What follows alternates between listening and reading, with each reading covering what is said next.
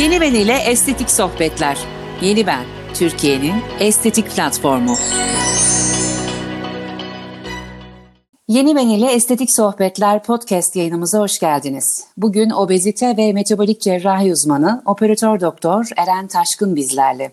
Hocam hoş geldiniz. Merhaba, hoş bulduk. Çok teşekkür ederim. Hocam hızlı bir giriş yapayım ben. Şimdi obezite cerrahisi son yılların en çok talep edilen ve hakkında konuşulan cerrahiler arasında yer alıyor. Ve yeni benede obezite cerrahisi hakkında çok fazla sorular geliyor aslında. Size bugün o çok sorulan soruları soracağım ve uzmanlığınız dahilinde bizleri aydınlatmanızı rica edeceğim. Ee, şimdi hızlı bir giriş yaptım dedim ama hocam pandemi süreciyle alakalı bir şeyler söylemek ister misiniz? Her şey yolunda mı? Yok değil mi herhangi bir sıkıntı hastanede de? Ya tabii şu anda e, çok fazla hastamız var hastanede COVID-19 nedeniyle tedavi gören. Bu nedenle tabii obezite ameliyatları da bir miktar geriledi. Halen yapıyoruz ama daha az sayıda yapabiliyoruz. Ama şöyle bir şansımız var. E, obez bireylerde daha kötü geçirdiği için COVID-19'u ameliyat olup da zayıflayanlar daha şanslılar. Çünkü e, daha hafif atlatıyorlar. Bu bir aslında ameliyat olmayı planlayan hastalar için bir avantaj. Ama fena gitmiyor. Ben... İlerleyen sorularımın içerisinde öyle mi? Süper. İlerleyen sorularımda zaten COVID ile alakalı da birkaç soru gelmiş. Ee, onları da size e, yönelteceğim. Şimdi en başından başlayalım hocam. Şimdi aslında bu ilk soracağım soru benim de en çok merak ettiğim sorular arasında yer alıyor. Çünkü farklı obezite cerrahisi yöntemleri var. Mesela bazısı tüp mide, sadece mideyi küçültmeye yönelik. Bazısı ise hem mideye hem de bağırsaklara müdahale etmeyi gerektiriyor. Şimdi bir hastaya hangi operasyonun yapılacağı neye göre belirleniyor? Evet aslında bu çok güzel bir soru. Hastalarımız da sık sık soruyor bu soruyu. Çünkü hastalarımız internetten olsun veya televizyondan başka kaynaklardan bu ameliyatlarla ilgili bilgiler alıyorlar. Ee, burada hasta her hastayı özel kabul etmek lazım. Aslında hem tüp mide ameliyatı hem gastrik bypass ameliyatı obezite tedavisinde etkin ve güvenli yöntemler. Her ikisi de günümüzde laparoskopik yöntemlerle yapılıyor. Yani kapalı dediğimiz video e, eşliğinde yapılan yöntemlerle gerçekleştiriliyor.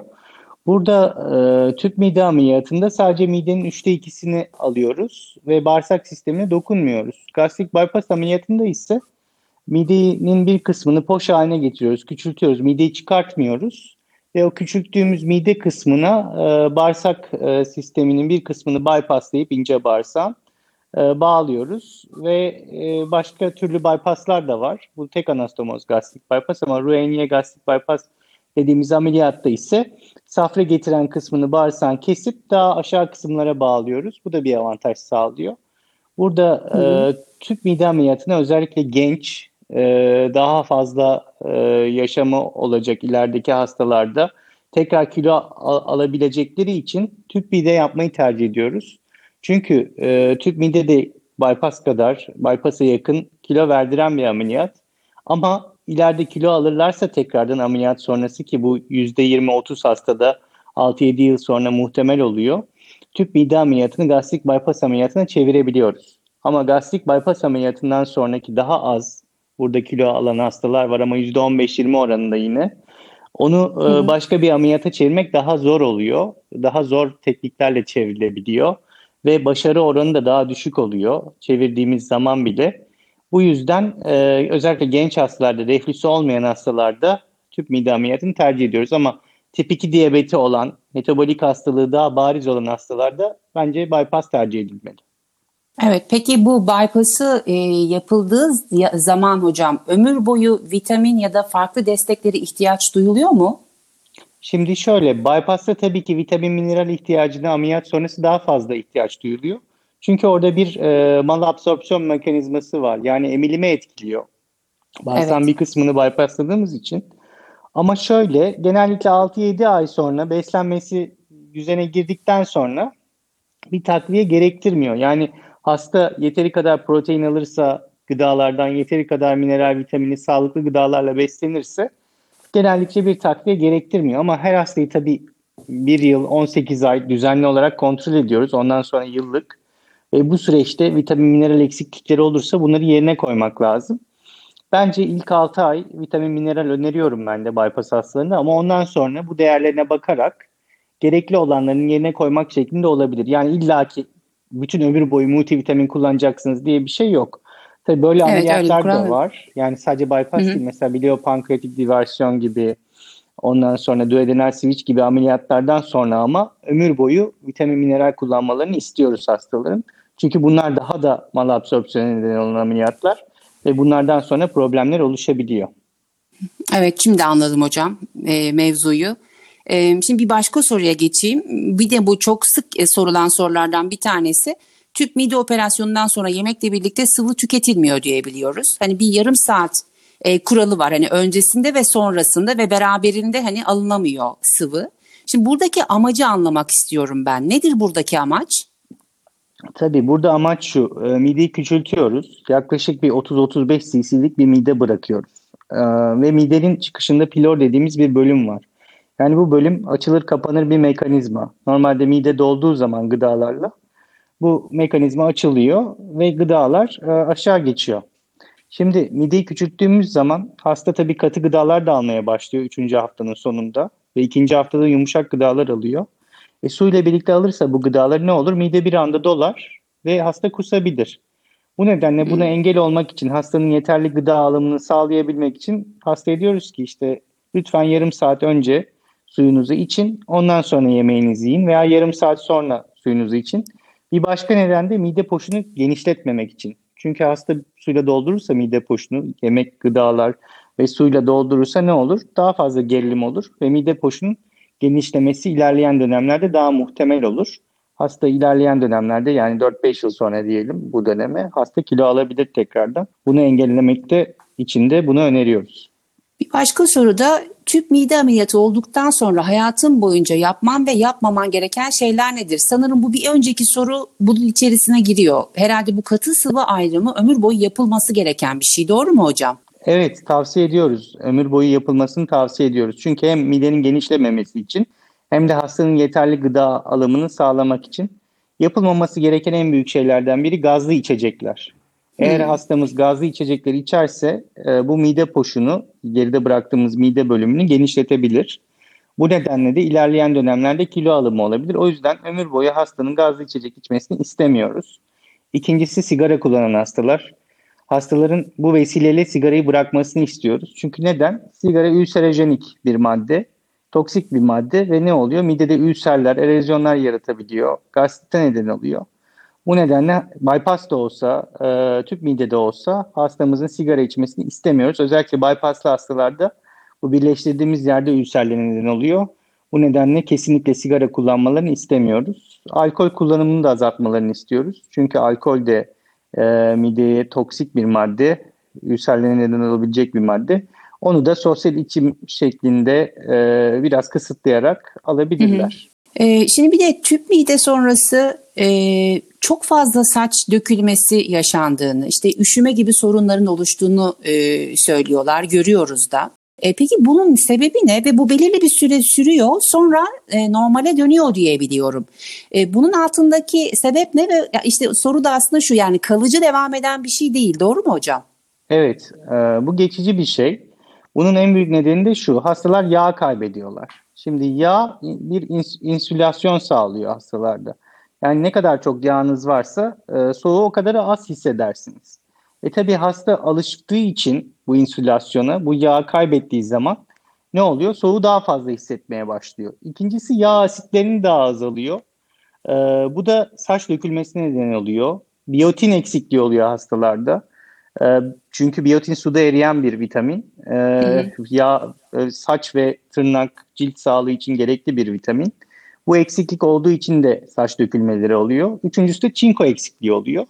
Çünkü yeteri kadar yeşil meyve sebze tüketemiyorlar. E, bu nedenle çinko eksikliği olduğu zaman da saç dökülmelerini görüyoruz. Ama bunları yerine koyunca saçlar inanın daha güçlü bir şekilde geliyor. Hastanın metabolik durumu düzeldiği için. Hı hı. Ee, geçenlerde bir tane yazınızda okumuştum. Bu mide botoksu çok fazla şimdi e, revaçta e, şeylerden. Mide botoksu diyorum hocam özür dilerim. Mide balonu. Ee, daha evvel mesela başka herhangi bir e, yerde görmedim. Bu belki benim cahilliğim ama siz mesela mide balonunu hani e, çok daha gelişmiş bir e, materyal gibi kullanarak bir seneye kadar tuttuğunuzu okudum. E, şimdi buradaki sorum da şu. Bu, bu ikisi de mide balonu ve mide botoksu da merak ediliyor. Mide balonunu bir sene kadar tutabiliyor olmanızın altındaki sebep ne? Bir de bu her ikisi arasındaki e, şeyi sormak istiyorum. Mesela kime balon yapılabilir, kime botoks yapılabilir? Toplu halde sordum sorularımı. evet, bu da güzel bir soru. Şöyle, e, mide balonlarının değişik markaları ve değişik cinsleri var. Bunlar evet. poliüretan maddelerden yapılıyor. Bazı balonlar bir yıl kalabilen balonlar.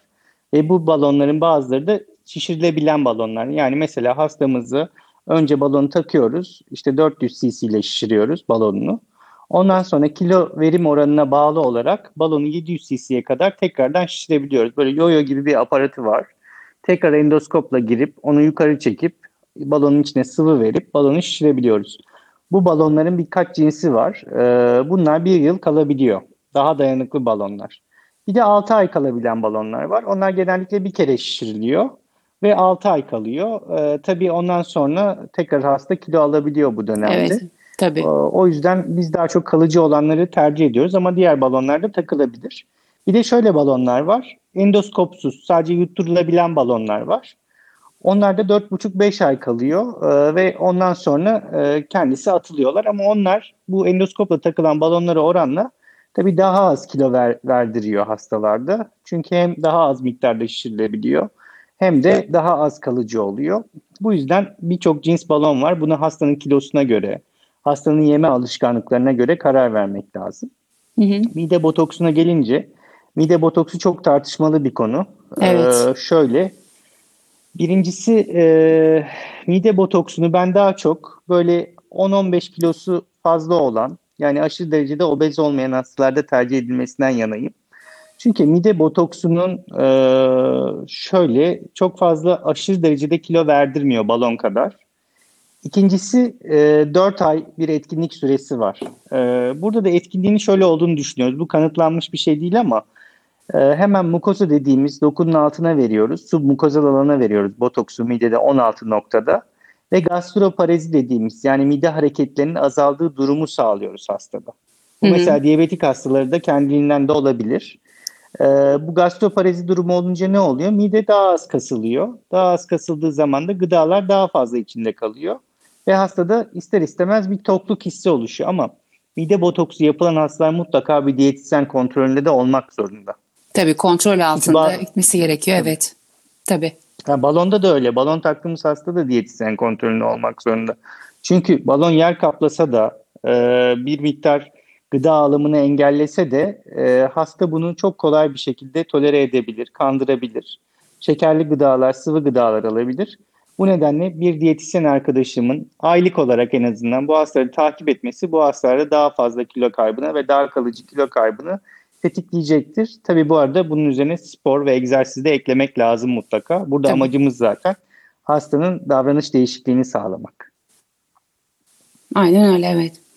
Şimdi bir çok daha enteresan bir soru daha var. E, doğumdan ne kadar süre sonra mide küçültme ameliyatı yapılabilir diye soruluyor. Fakat e, yani bu e, doğum kiloları e, sanki hani e, obezite cerrahisiyle halledilebilir bir şey gibi gelmiyor açıkçası bana. Sonuçta hani o alınıp ve sonra tekrar verilebilen bir şeydir ya. Hani vücut kendini bir şekilde toparlar. E, ama belki kilolu başlayıp ondan sonra doğumla birlikte bir de üzerine bindirdikten sonra e, gelen bir kilodan bahsediliyor belki de. E, yani doğumdan ne kadar süre sonra mide küçültme yapılabilir diye soruyorlar hocam. Evet şimdi doğum doğumdan sonra aslında hastada bir ödem olur. Ve zamanla hasta emzirdikçe hem bu ödemden kurtulur hem de kilo verir. Çünkü bir miktar hasta yağ depolar e, doğum sürecinde. Ve tabii ki çocuğu beslemek için bu kiloların aslında bir kısmı da gereklidir. Ama ondan sonraki dönemlerde e, hasta daha çok hastalarımız daha çok evde kaldıkları için, spor alışkanlıkları değiştiği için ve daha sedanter bir yaşam geçirdikleri için çocuğun bakımı açısından bu kilolar bazen kalıcı olabiliyor. Evet. Ama doğumdan sonra ben yaklaşık bir buçuk yıl sonra ameliyat olmalarını tavsiye ediyorum.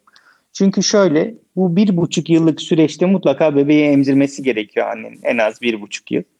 Ve e, bu nedenle de yeteri kadar gıda alması lazım. Ama bir buçuk yıl sonra özellikle bebek sütten kesildikten sonra gayet rahatlıkla e, bariyatrik cerrahi yöntemlerle ameliyat olabilirler.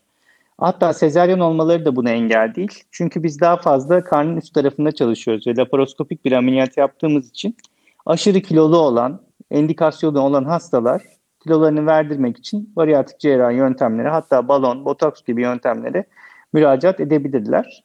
Bebeği emzirme döneminde öner, önermiyorum ama ben. Peki hocam bir de yine oruç kısmı var. Yani işte oruç zamanında e, tutulması ya da ne kadar zaman sonra e, ibadetine, oruç ibadetine başlayabilir e, obezite cerrahisi geçirmiş bir birey? Şimdi şöyle e, oruç tutmayı daha çok bir sene sonra öneriyoruz hastalara. Çünkü bu bir senelik süreçte hastanın beslenme alışkanlıkları oturmuş oluyor. Ve ameliyata tamamen uyum sağlamış oluyor ve fazla kilolarından kurtulmuş oluyor. Ama yine de bu bir sene sonrasında bile özellikle iftar zamanında o yedi gıdaları bir anda almaması lazım. Eğer bunu çok iyi ayarlayabilecekse, yayarak yiyecekse e, sahura kadar, yavaş yavaş yiyecekse, azar azar yiyecekse ve sıvı katı ayrımını yapabilecekse ve yeterli miktarda sıvı alabilecekse o zaman oruç tutmasının bir zararı yok. Oruç tutabilir bir sene sonra hastalar. Ama bunu yapamayacaksa, güçsüz kalacaksa, dehidrate kalacaksa, yeterli su içemeyecekse, bunu deneyerek öğrenecek. O zaman ben e, oruç tutmasını tavsiye etmiyorum. Şimdi hocam bir son bir soru da şöyle. En başta da siz bahsettiniz zaten. Bu sürede COVID'e yakalanırsa yani tüp mide ameliyatlarının herhangi birisinde bunun içerisine bu arada hani cerrahi olmay- olmayan dediğimiz belki botoks ve balonu da katabiliriz. Oldu ya böyle bir riskli bir durum yaşandı. Covid'e yakalandı. Bu ne, nasıl sonuçlanır? Yani e, bir, nasıl bir risk e, oluşturur e, insanda? Tabii burada sorun şu. Eğer kilo verdikten sonra belli bir miktar Covid'e yakalanırsa burada risk daha da azalır. Çünkü Covid daha çok akciğeri etkileyen bir hastalık. Ee, biz kilo verdirdiğimiz zaman evet. hastaların akciğer kapasiteleri de düzeliyor ister istemez. Bu yüzden de bu riskler azalıyor. Yani obezite cerrahisi geçirip kilo veren hastalarda e, Covid daha hafif seyrediyor. Hatta böyle yapılmış yayınlar var. Ama sorun şurada. Eğer hasta ameliyat sırasında veya erken dönemde Covid olursa tabii o zaman daha riskli olabilir. Çünkü hasta ameliyattan yeni çıkmış oluyor. E biraz akciğer fonksiyonları da ameliyat sırasında düşmüş oluyor. Bu nedenle daha riskli olabilir ama gerekli güvenlik önlemlerini alındığı zaman işte hem hastanın hem doktor hem sağlık personeli test yapıldığı zaman hasta tek izole bir odada kaldığı zaman COVID geçirme şansı da çok fazla değil. Tabii biz burada ameliyat sırasında bu dönemde özellikle hasta ziyaretini den kaynaklı COVID enfeksiyonları görüyoruz. Bu nedenle hasta ziyaretçisi istemiyoruz hastaların yanında. Özellikle refakatçi kalmasın. Ama bu önlemler alınırsa Tabii. bence COVID geçirmez hastamız. Ama geçirirse de özellikle kilo vereceği için daha hafif atlatır. Ee, böyle yapılmış yayınlar var çünkü. Hı hı hı. Tamam. Hocam şimdi bu bölümü bitirdik. Şimdi e, birazdan hızlı sorular bölümüne geçeceğiz. Burası birazcık daha böyle kişisel sorular soracağım size. Hızlı yanıtlar vermenizi rica edeceğim. Tamam. Hazır mısınız? Evet hazırım. Yolda yürürken çok kilolu birisi gördüğünüzde içinizden ne geçiyor? Çok üzülüyorum. Çünkü genellikle kilolu hastalar bunu bir hastalık olarak kabul etmiyor ve toplum tarafından damgalanıyorlar. O yüzden bence bir an önce hastanın bunun farkına varıp e, illa cerrahi değil bu konuda bir destek alması, tedavi görmesi lazım ki bu kilolarından kurtulup ileride e, daha fazla bununla birlikte yaşanacak diyabet gibi, hipertansiyon gibi hastalıkları olmasın diye. İkinci soru, aile bireylerinizden birisi obez olsa ona zayıflama cerrahisini önerir misiniz? Evet, eğer gerçekten zayıflama cerrahisi kriterlerindeyse mutlaka öneririm. Hatta ben de kilo alsam kendim de gayet rahat bir şekilde cerrahi tercih ederim. Çünkü bu kanser gibi bir hastalık ne kadar erken evrede tedavi edilirse hastanın yaşam beklentisi o kadar yüksek oluyor. O yüzden bence obeziteyi bir hastalık olarak kabul etmek ve kronik bir hastalık olarak kabul etmek lazım. Şimdi bilim sürekli gelişiyor ya hocam. Çok yemek yesek ama zayıf kalsak diye bir durum bir gün mümkün olacak. Bence olabilir. Özellikle nanoteknolojiyle birlikte bazı e, yiyeceklerin e, bu şekilde planlanması, akıllı yiyecekler veya akıllı e, vitamin hapları veya metabolizmayı hızlandırıcı bazı ilaçlarla Bence bu mümkün olacaktır e, ilerleyen dönemlerde belki bir 10-15 yıl içerisinde. Hatta belki e, kilo verdirmeyi daha efektif bir şekilde sağlayan ilaçların da ben çıkacağını düşünüyorum. O zamanı ışınlanmak istedim hocam şu anda. Valla çok e, Peki. uzun bir süreç değil bence. Öyle bir şahane. Şimdi diğer soruda "A, hayatta ağzınıza sürmeyin dediğiniz bir yiyecek var mı hocam? Evet var. Ben palm yağı içeren bu fındık fıstık ezmelerini hastanın yemesini kesinlikle istemiyorum. İkincisi de kola içmelerini istemiyorum. Çünkü ikisi de hem insülin direncine neden oluyor. Bu diyet kola da olsa. E, Hem de e, daha fazla yağlanmaya ve kolesterol yüksekliğine neden oluyor. E bu da tabii kardiyovasküler hastalıkların en büyük nedeni. O yüzden bu gıdaları kesinlikle almasınlar. Bugüne kadar hastalarınız arasında en fazla kilo kaybı kaç kilogram oldu? Şöyle e, 102 kilo veren bir hastam oldu. E, yaklaşık 180 kiloydu ilk ameliyat ettiğimde ve halen bu kilosunu koruyor. Yani şu an e, 180 kiloydu, şu an 78 kilo E, ve gayet de rahat, genç bir hastamız. E, halen takip ediyoruz. Tekrar kilo alımı olmadı. Tüp mide ameliyatı yapmıştık ve kendini çok rahat ifade edebiliyor. Sosyo, sosyal e, ilişkileri arttı. Bence önemli özellikle çok aşırı kilolu süper obez hastaların bir an önce tedavi olması lazım. Hocam abur cubur yiyor musunuz? Kola içer misiniz? Tabii ki yiyorum. Ee, yani şöyle herkes herkes yiyor aslında. Şimdi her diyetisyen arkadaşlar da mesela tariflerini paylaşıyorlar. İşte herkes sağlıklı beslenmeye tabii ki ön- önem veriyor ve yönlendiriyor ama şöyle e, abur cubur da bence haftanın bir günü sınırlı miktarda yenebilir. Ee, ama tabii burada porsiyon miktarı çok önemli. Yani mesela 3 porsiyonluk bir cips yiyeceğinize bir porsiyonluk bir cipsin yarısını haftada bir gün belki kendinizi böyle tatmin etmek amaçlı yiyebilirsiniz. Veyahut bir paket çikolata değil de işte bir parmak çikolata mesela haftanın bir günü, haftanın iki günü yenebilir. Burada eğer porsiyon iyi ayarlanırsa ve sadece bu gıdalarla değil, bununla, bunlarla birlikte sağlıklı gıdalar alınırsa bir sorun olacağını ben zannetmiyorum. Ve tabii burada bunun, bununla birlikte o yediğimiz günlerde egzersiz miktarını da arttırmak önemli. Çünkü ne kadar kalori alırsak o kadar kaloriyi harcamamız lazım ki kilo almayalım ve kilomuzu Hı hı. koruyalım. Evet son sorum geliyor hocam. Hocam su içsem yarıyor. Bu ne kadar doğru? Aslında burada biraz metabolizmadan bahsetmeye çalışıyoruz ama ne kadar doğru hocam bu? Evet aslında bunu şöyle demek lazım. Su içmiyorum yarıyor. Yani Ha, doğru. bir- birçok hasta aslında su içmediği için metabolizmaları çok yavaş.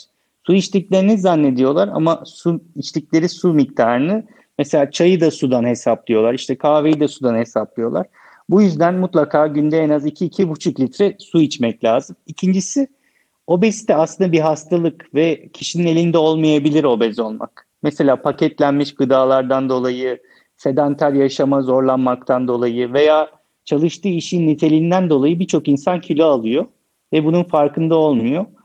Bu hastaları suçlamak yerine bu obezitenin bir hastalık olduğunu kabul edersek aslında bunu da çözmüş oluruz. Gerçekten bazı kişilerin elinde olmuyor. Kilo alıyorlar ve bunun farkında olmuyorlar. Bunu hep beraber toplum olarak aslında obezitenin hastalık olduğunu kabul edip insanları damgalamamak, onlarla alay etmemek, onlarla dalga geçmememiz gerekiyor. Çünkü ne ol, bilmiyoruz ne olacağını. 5-6 yıl sonra da bir bakmışız biz de obez olmuşuz ama farkında değiliz. Ee, o yüzden mutlaka bu kişileri tedaviye yönlendirmemiz lazım bir an önce. Obezite ve metabolik cerrahi uzmanı operatör doktor Eren Taşkın bu yayında bizlerleydi. Değerli vaktinizi ayırıp yeni bene zaman ayırdığınız için çok teşekkür ediyoruz hocam. Ee, iyi ki geldiniz, konuğumuz oldunuz. Ee, ben çok teşekkür ederim böyle bir konuyu konuştuğumuz için. Bir sonraki yayında görüşmek üzere. Yeni Ben ile Estetik Sohbetler. Yeni Ben, Türkiye'nin estetik platformu.